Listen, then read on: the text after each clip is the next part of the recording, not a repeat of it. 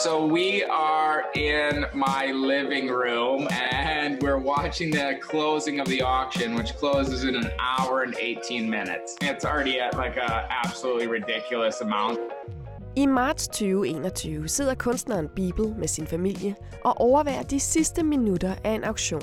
Auktionen er over det første udelukkende digitale værk, som Christie sælger, og er i form af en såkaldt NFT, en non-fungible token. Værket ender med at indbringe 69 millioner dollars. Oh my god! 50 million! What? 69 million. I think it probably means digital art is here to stay. Siden salget af Bibels digitale kunstværk, som rystede kunstverdenen, har hypen omkring NFT'er taget fart. Kryptomillionærerne kaster deres bitcoin-formuer efter digitale værker. NFT-kunstplatforme skyder frem, og der er opstået status blandt celebrities ved at eje et NFT-profile picture, som en Bored Ape eller en CryptoPunk. Yeah, I don't, it's very, it's a lot. It's a thing. I don't know. Men mange kunsteksperter ryster på hovedet af de i øjenfaldende værker fra internetkulturen og dømmer det ude som en passerende trend. Men handler NFT'er og den digitale kunsts potentiale om mere end spekulation og trofæer? Kan NFT'er ligefrem skabe en mere demokratisk kunstverden, hvor det ikke primært er den vestlige verden, der dikterer, hvad der er god smag? Jeg hedder Marie Høst, og du lytter til Blinde Vinkler.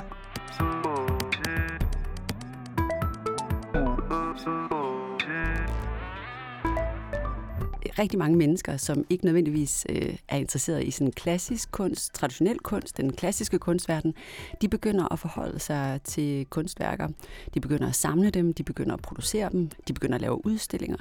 De begynder i det hele taget at forholde sig til kunst på en måde, som vi aldrig har set før. Og det er for mig en revolution. Maiken Overgaard er tidligere programleder ved Catch, Center for Kunst, Design og Teknologi i Helsingør. Men nu er hun sprunget ud som selvstændig med virksomheden Korridor, som undersøger, hvad Web3 kommer til at betyde for kunstverdenen. Jeg er uddannet kunsthistoriker, og når jeg ser på de her NFT'er, så kan jeg ikke altid bruge mit klassiske kunsthistoriske blik. Jeg bliver nødt til at kigge på det med nogle lidt andre øjne. De øjne, det blik, jeg har erhvervet mig ved at have været på internettet gennem meget lang tid og mange år. Så det handler ikke om, hvad kuratorer rundt på museer og kunstcentre synes er spændende. Det handler i langt højere grad om, hvad du og jeg synes er spændende. Now what the hell's an NFT? Apparently cryptocurrency. Everyone's making so much money. Can you please explain what's an NFT?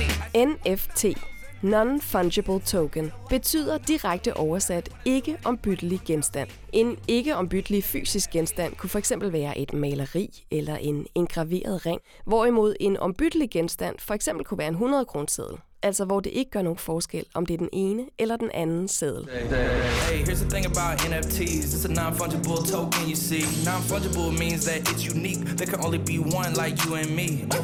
NFTs are insane. insane. Built on a blockchain. NFT'er er lagret på en blockchain, som er en online decentral database, og de kan bruges til at certificere fotos, videoer, lyd og andre typer digitale filer.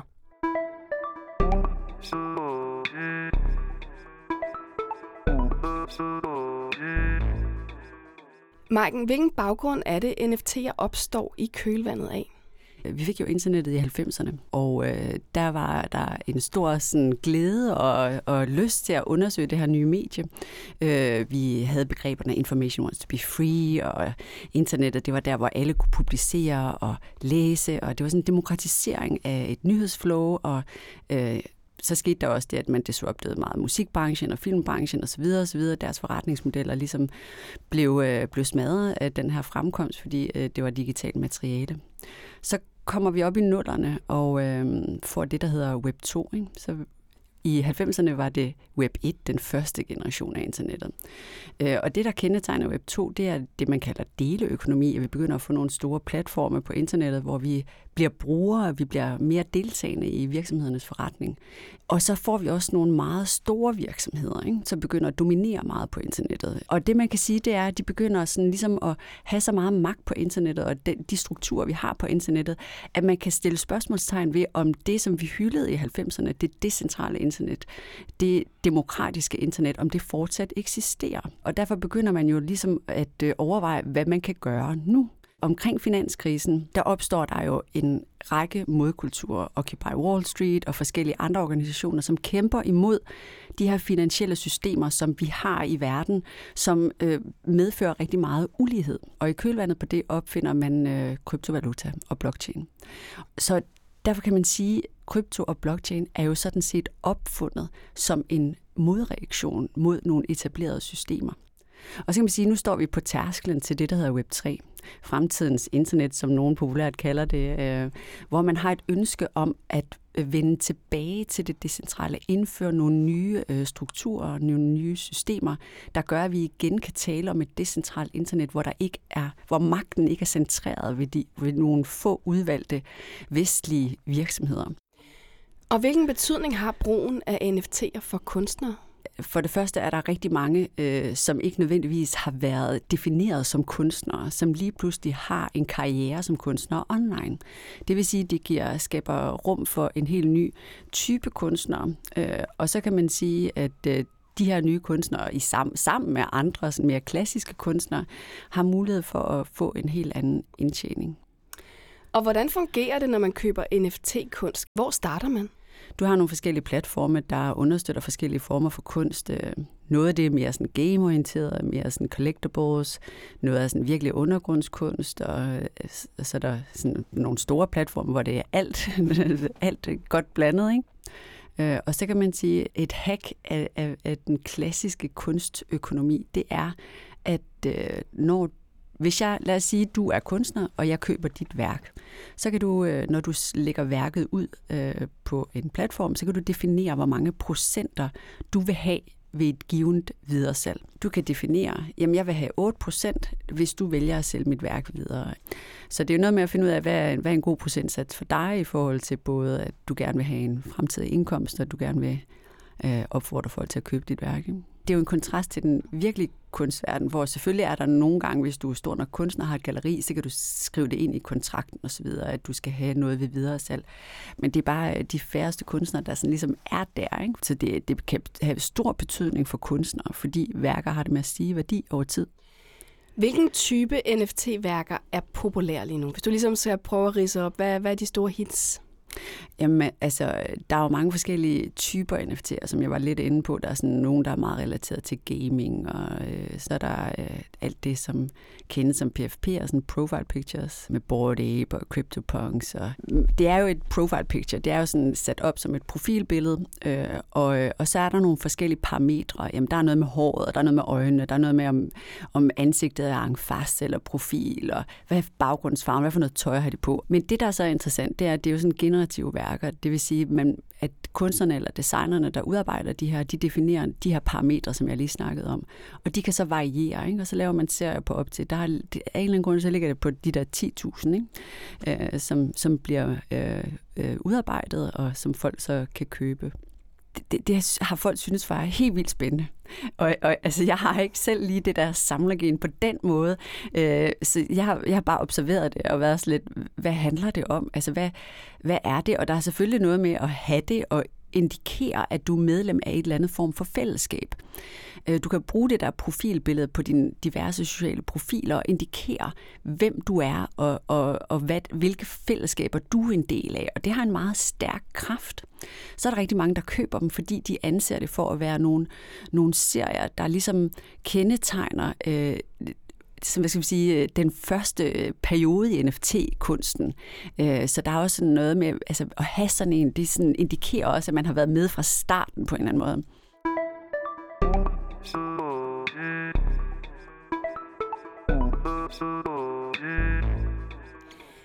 Du har taget nogle eksempler med på, øh, på NFT-kunstnere, som du er inspireret af. Øhm, og den, øh, den ene er øh, Sai Gu Chang, ja, ja. uden at vide præcis, hvordan man udtaler det. Hvad er det, du er inspireret af ved ham?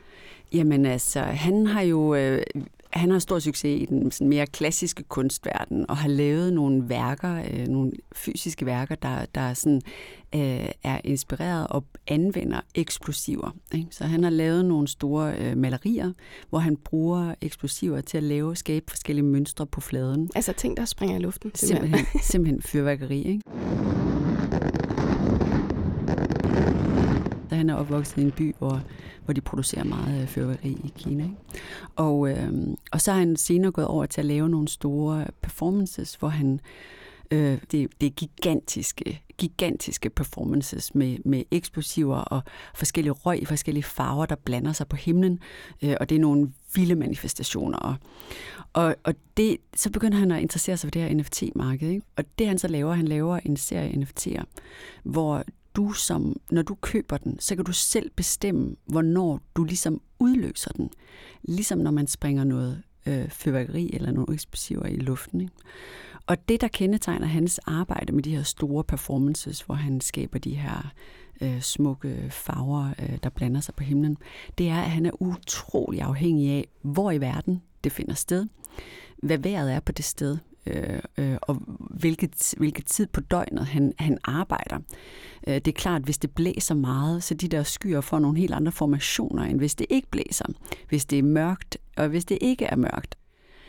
Og derfor øh, har han lavet en serie, hvor, som også, øh, som når du ligesom vælger at aktivere den, så eksploderer den. Øh, så det er sådan en eksplosion, øh, en lille animeret eksplosion, som er kendetegnet af, hvor du er i verden på det givende tidspunkt, hvordan vejret er den dag, du øh, springer det i luften. Og det er jo en fin måde at integrere øh, hans kunstneriske praksis, og på en eller anden måde involvere øh, den køber eller bruger eller beskuer. Øh, kært barn har mange navne.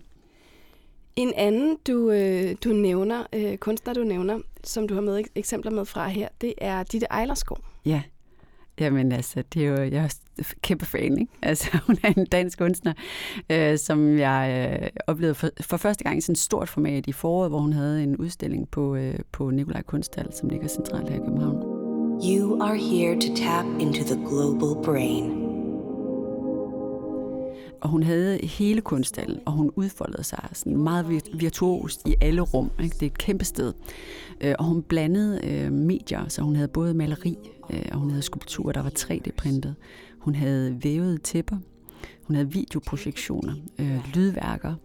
Øh, hun spredte sig ud over det hele. Og så havde hun også lavet nogle NFT'er. Øh, og både nogle, som man for, som, øh, som besøgende fik udleveret øh, gratis, og så nogle, man kunne købe online. Øh, Øh, og for hende, der var det bare sådan en naturlig udvikling, at øh, jamen, hun arbejdede digitalt, så hvorfor ikke bruge det på en eller anden måde øh, videre i hendes færd? Øh, og så begyndte hun at interessere sig for det her, og det har så grebet meget om sig.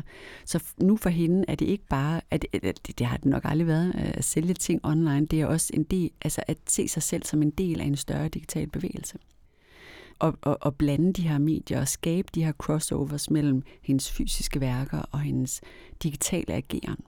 Øh, og, og, og når jeg taler om, at jeg er fan, ikke, så er det fordi, at jeg sjældent har set nogen øh, mestre det så øh, enormt smukt, som hun gør. Det synes jeg er vildt, at vi har en kunstner af den kaliber i Danmark. Det sidste eksempel, du har med, det er spøgelsesmaskinen. Mm. Hvad er det, øh, han kan? Og gør? Jamen, øh, Spøgelsesmaskinen er, er jo øh, også en dansk kunstner, som, øh, som øh, laver nogle fuldkommen fantastiske værker. Det er meget retro. Øh, der er vi ude sådan en... Øh, altså det, det, det, der er så interessant ved den tid, vi lever i nu i forhold til internettet, det er jo, at vi kan begynde at opleve nostalgi i relation til de billeder, vi ser. Ikke? Fordi det kunne vi ikke for 10 år siden. Der var, det, der var vi stadigvæk i gang med at leve det. Så det er sådan set først nu, at vi begynder at sådan kunne forholde os nostalgisk til teknologi og Øh, nogle gange, når jeg er ude og holde foredrag om det her, så snakker vi om sådan, kan I huske lyden af modem, eller da hotmail kom, og så får folk sådan stjerner i øjnene og bliver bare sådan helt vildt glade øh, ved, ved, ved minderne. Ikke? Altså, og det kan man sige, det er noget af det, som, som, som spøgelsesmaskinen arbejder med, den her øh, nostalgi. Øh, hans værker er sådan pixeleret og bruger nogle øh, ikonografier sådan, sådan fra, det, fra det tidlige internet øh, både i forhold til de øh, objekter, han vælger at sådan, øh, bruge i hans værker, men også i den måde, han fremstiller det på. Øh, altså den måde, det bevæger sig på, simpelthen. Det er sådan giffer, han laver.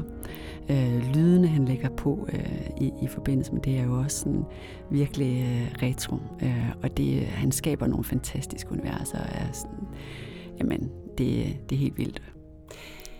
Hvilken betydning har det at eje en NFT? Det taler man meget om mm. i forbindelse med det digitale, som jo kan reproduceres i det uendelige. Hvorfor, hvorfor er det vigtigt, at jeg ejer en GIF, ja. øhm, når nu den findes online også?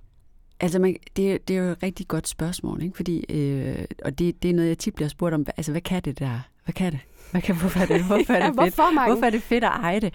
Og, øh, og, øh, og, og, og jeg vil sige, at der er flere forskellige svar på det her.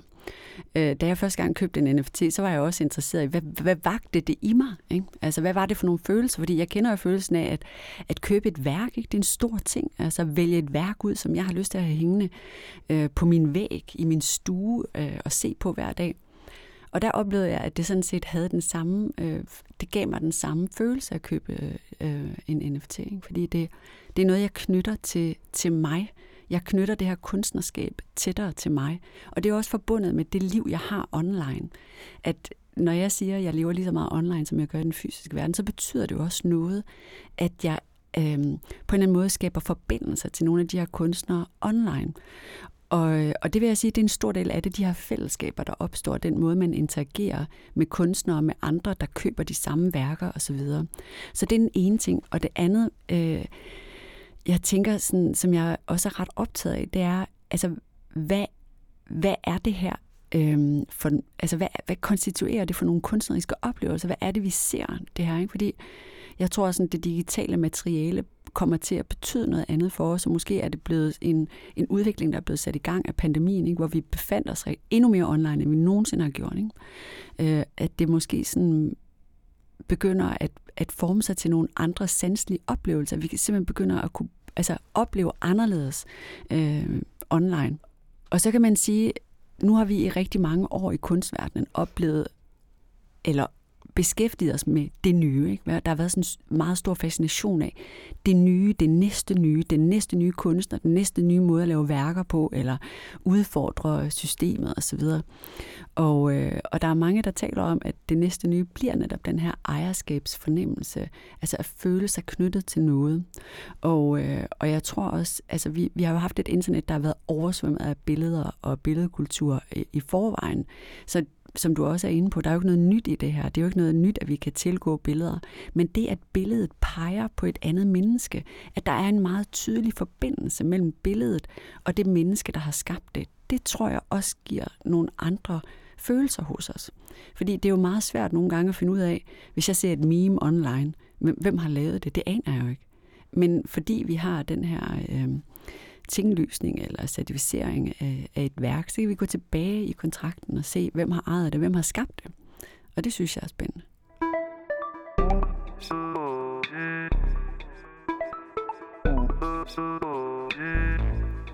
Der sker rigtig meget i forhold til magtpositionerne i kunstverdenen. Kan du prøve at beskrive, hvad det er, der foregår, når NFT'er kommer ind og øh, ja, spiller sig ind på banen på den her måde?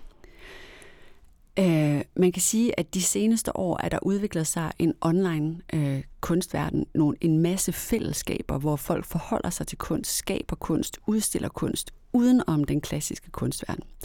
Og, øh, og, og, og det er meget sjovt, fordi jeg er jo meget optaget af det her, og jeg befinder mig sådan set også ret meget i den klassiske kunstverden, den traditionelle kunstverden. Men jeg oplever, at det er ikke der, samtalen findes, vel? Altså, samtalen findes online øh, i de her fællesskaber, som jeg blev ved med at referere til. Øh, og det er som om institutionerne ikke helt har opdaget det endnu. Og jeg tror, der kommer til at ske det samme øh, for kunstinstitutionerne, som der skete for musikbranchen, og for filmbranchen, og for nyhedsmedierne i 90'erne. Fordi øh, der var der jo en stor øh, sådan eksplosion i deres forretningsmodeller og deres måde at agere på. Hvem der havde magten, hvem bestemte, hvad vi lyttede til af musik, hvem bestemte, hvad vi så af film, hvem bestemte, hvad vi læste i avisen. Det, så, det, det er jo eksploderet. Det, der sidder jo ikke nogen ude i DR længere og definerer, hvad det er, vi synes er spændende, øh, altså kulturmæssigt, øh, i, altså i forhold til radioprogrammer osv. osv. Øh, vi hører lige så meget podcast, ligesom den her, som er skabt af, af alle mulige uafhængige øh, institutioner og personer, som vi hører de her officielle kanaler. Øh, og på samme måde er der en, en revolution i gang i forhold til kunstmarkedet, hvor det ikke længere er museerne øh, og kunstcentrene, der nødvendigvis får lov at bestemme, hvad vi er optaget af visuelt i fremtiden. Øh, jeg tror, det kommer til at blive distribueret i langt højere grad. Øh, jeg tror, vi kommer til at se øh, nogle opgør med, hvad er øh, den rigtige kunst. Ikke? Fordi vi har været så vant til, at der har været meget få mennesker i vores samfund, der har udvalgt den rigtige kunst, som vi så kan betale for at gå ind og se på diverse kunstinstitutioner. Øh, og nu hvor det er mere tilgængeligt online, og de her store fællesskaber begynder at brede sig, og folk begynder at lave deres egne udstillinger og forholde sig til, deres, til det, de nu synes er spændende, så det kommer til at påvirke institutionerne. Hvordan, hvordan kommer det til udtryk? Hvilke begivenheder tyder på det? Øh, her i september, der satte MoMA i New York, Museum of Modern Art, en stor del af deres samling til salg. Og det gjorde de. Og det var ikke bare øh, sådan mærkelige ting, de har stående i gemmerne. Altså det, var, det er Picasso og Francis Bacon og store kunstnere, som de satte til salg for at kunne investere i digital kunst. Og det er jo fordi, at de oplever øh, det, som rigtig mange øh, kunstinstitutioner oplever, at vi kom tilbage for fuld power efter nedlukning, men at besøgstallene endnu ikke er der, hvor de var inden pandemien. Vi har simpelthen ændret opførsel. Vi, vi går ikke længere ud og ser så mange udstillinger, som vi gjorde før. Øh, vi har et andet digitalt liv, og jeg tror, at de nævner, jeg, jeg læste en artikel i Wall Street Journal, hvor de beskriver det her, øh, og der nævner de, at øh, inden covid, ikke, der havde de sådan 3 millioner besøgende per år, og herefter så har de ikke kunne få det længere op end på 1,6. Ja. Øh, det er en stor forskel. Deres online content, det ligger på, der har de sådan omkring 30 millioner besøgende per år. Øh, og i modsætning til det her fysiske besøg, der er det faktisk gået frem efter covid. Ikke? Så det er gået frem med 5 millioner, så de er oppe på 35 millioner besøgende øh, online.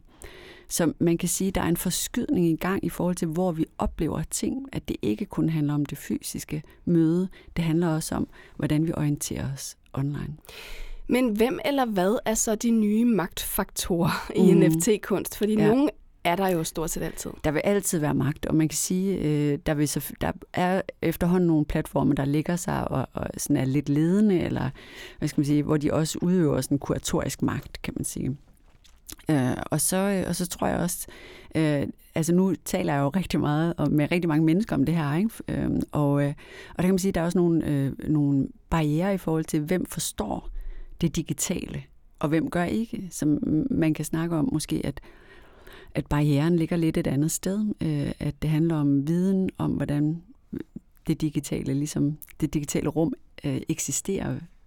Øh, det er simpelthen det at forstå, hvorfor det er spændende. Altså det, det kan være rigtig svært for mange mennesker. Øh, så, øh, så jeg tror, der er også noget med omkring det, man kalder digital literacy. Altså hvem, hvem er uddannet til at forstå det? Apropos det her med, med kuratering, øh, hvilken betydning har det, at, at man som kunstner, øh, som laver NFT'er, kan være anonym? Og ofte er det i virkeligheden. Mm. Jamen, jeg synes, der er noget spændende i, at, at det slet ikke er alle, der er til stede online med deres øh, deres, det navn, de har fået af deres forældre, sådan, som står på dåbsattesten. Men det er alle mulige, øh, altså man, man kalder sig det, man nu har lyst til at, at hedde, ikke? altså Snowfro eller Don, eller hvad folk nu vælger at, at kalde sig. Og, øh, og det betyder jo, at der ikke er nogen konnotationer nødvendigvis knyttet til det navn. Så umiddelbart, når jeg ser et værk, så er det ikke altid muligt for mig at bestemme, øh, hvad er det for, hvilket køn har vedkommende, øh, hvor i verden er vedkommende fra. Det kan man jo også ofte læse ud af et navn. Øh, tit når jeg går ind på et museum, så er det første, jeg ser, det er et navn, og så er det et årstal i en parentes, som, som indikerer, hvornår vedkommende er født. Det kan jeg heller overhovedet ikke se her. Øh, det, det, det, det, det, altså det, det er meget sjældent, jeg, jeg har oplevet det. Så man kan sige, at der er rigtig mange ting, der sådan er skjult for mig øh, køn, alder øh, og, og, og, og, og hvad skal man sige, hvor vedkommende befinder sig, hvor vedkommende er født. Og det gør jo, at man møder et værk på nogle helt andre præmisser. Fordi det er klart, at øh, når jeg går ind på et museum og ser et værk af en tysk øh, kvindelig øh, kunstner fra 50'erne, så begynder jeg allerede at, at, at, at arbejde med, med mine forudindtagelser om, hvad det vil sige at være en kunstner, der er født i 50'erne i, i Tyskland. Ikke? Øh, det samme som hvis jeg ser en kunstner, der er 20 år gammel og kommer fra Mozambique, så begynder jeg at lægge nogle, nogle forståelser ind over det. Og så alle de her forudindtagelser, de, de, de forsvinder lidt. Det er også derfor, at man kan tale om, at, øh, at, at at åbne sig op for den her kunst på, no, på en anden måde, ikke? fordi at, at det ligesom ikke eksisterer. Hvilken kritik er det, NFT-kunst møder fra den etablerede kunstverden? Jamen, NFT, NFT er mod, altså, er, bliver kritiseret fra mange forskellige vinkler. Altså, det, det, det, det, det er ret vildt, ikke? Altså, man kan sige, lige så snart du begynder at pille ved nogens magt, så er der nogen, der bliver vrede. Ikke? Så lige så snart man begynder at tale om, at, øh, at øh, når måske det ikke er, er kuraterne på de store institutioner, der skal bestemme, hvad vi skal anse for værende god kunst øh, længere, det, det, det, så tager du jo magt fra nogen, og det er der nogen, der bliver vrede over, for det første. Ikke? Og så kan man sige det her med, at kunst er affilieret med penge. det er der mange, der også synes er rigtig svært. At det bliver meget tydeligt, at det bliver investeringsobjekter. Og der er sådan et, jamen, altså, kunst har jo altid været affilieret med penge. Altså, det, er ikke, det er der jo ikke noget nyt i. Øh, selvfølgelig bliver det mere synligt, øh, og, og jeg er med på, at vi skal være opmærksomme på det, være kritiske over for nogle af de, altså den måde, som ting bliver pustet op på økonomisk online, hvor folk sådan på en eller anden måde øh, køber sine egne værker for at, at hæve priserne osv. osv. Men det er jo altså også noget, der foregår i den øh, traditionelle kunstverden. Men hvad er, det, hvad er det for en kritik, der kommer af æstetikken, har jeg lyst til at sige? Fordi det er jo også, kritikken lyder på, det er sådan, det er sådan noget popkunst, ikke? Jo, man, man kan sige, at der er mange, der kritiserer kvaliteten, ikke? fordi det er jo ikke kun folk, der er uddannet på kunstakademiet, der, der laver værker her. Det er jo folk, der, der måske har designet games i mange år, eller er grafiske designer osv. osv. Så man kan sige, altså, det handler om at give plads til, at, at, at øh, det ikke er os øh, med den gode smag, der skal fortælle andre, hvad der er den gode kunst øh, længere. Øh, og det er jo interessant. Altså, det er jo, og det der, det, altså, det, tror jeg også, der er nogen, der bliver irriteret over. Altså, hvordan kan det her overhovedet blive solgt for så mange penge? Altså, hvorfor, hvorfor er det? Det er da ikke det værd. Altså, men, men det er det jo for nogen. Men det vil sige, at det kommer ned til at handle om den gode smag og hvem der har, hvad kan man sige, haft patent på den gode smag. Ja, altså det, ja, hvem har lov til at definere, hvad der er den gode smag? Ikke? Hvem har lov til at sådan være dem, der udsiger det for de andre? Ikke? Det, der er stor forskel på, om du har læst fem år på universitetet og ligesom blevet trænet i den her vestlige, det her vestlige blik, eller om du, du er programmør fra, fra øh, Afghanistan og synes, at det er fedt med enhjørning, der danser på Mars. Altså, at det er øh, et motiv, der skal frem i verden. Ikke? Altså, men, men øh, jeg har det lidt, hvorfor ikke? Altså, det er jo ikke, fordi vi, når vi lader noget træde ind, at vi så udelukker noget andet. Nu er vi i den meget spæde start mm. af mhm. den her nye kunstverden. Hvordan, hvordan håber du på, at NFT kommer til at forandre kunstverdenen frem i tiden? Jamen, jeg synes jo, det er spændende med den her diversitet øh, i forhold til billeder og visuel kultur, der udvikler sig. Øhm, og jeg synes sådan set, det er, det, det er en meget naturlig udvikling i forhold til rigtig mange andre ting, vi ser. Øh, med fokus på øh, inklusion og diversitet osv. andre steder i samfundet. Øh, så jeg håber, folk vil embrace det, og jeg håber, at vi vil blive ved med at se lige så mange mennesker, der er interesseret i at skabe både værker og udstillinger og udtalelser om kunst på forskellige måder. Og så kan man sige, lige nu der står vi i et felt, hvor hver gang at man skal snakke om det her, så skal man fortælle, hvad er blockchain, hvad er en NFT, osv. osv. Og man skal definere nogle teknologiske ting. Og, jeg, og, og det skulle vi også, det kan jeg huske nemlig, det skulle vi også i 90'erne, ikke? der skulle vi snakke om, hvad er en browser? Hvad er en browser? Hvordan fungerer en browser? Det er der jo ikke nogen, der taler om i dag. Så på et eller andet tidspunkt, så kommer vi også, nok også ud over at snakke om, hvad det teknologisk er, og så bruger vi det bare.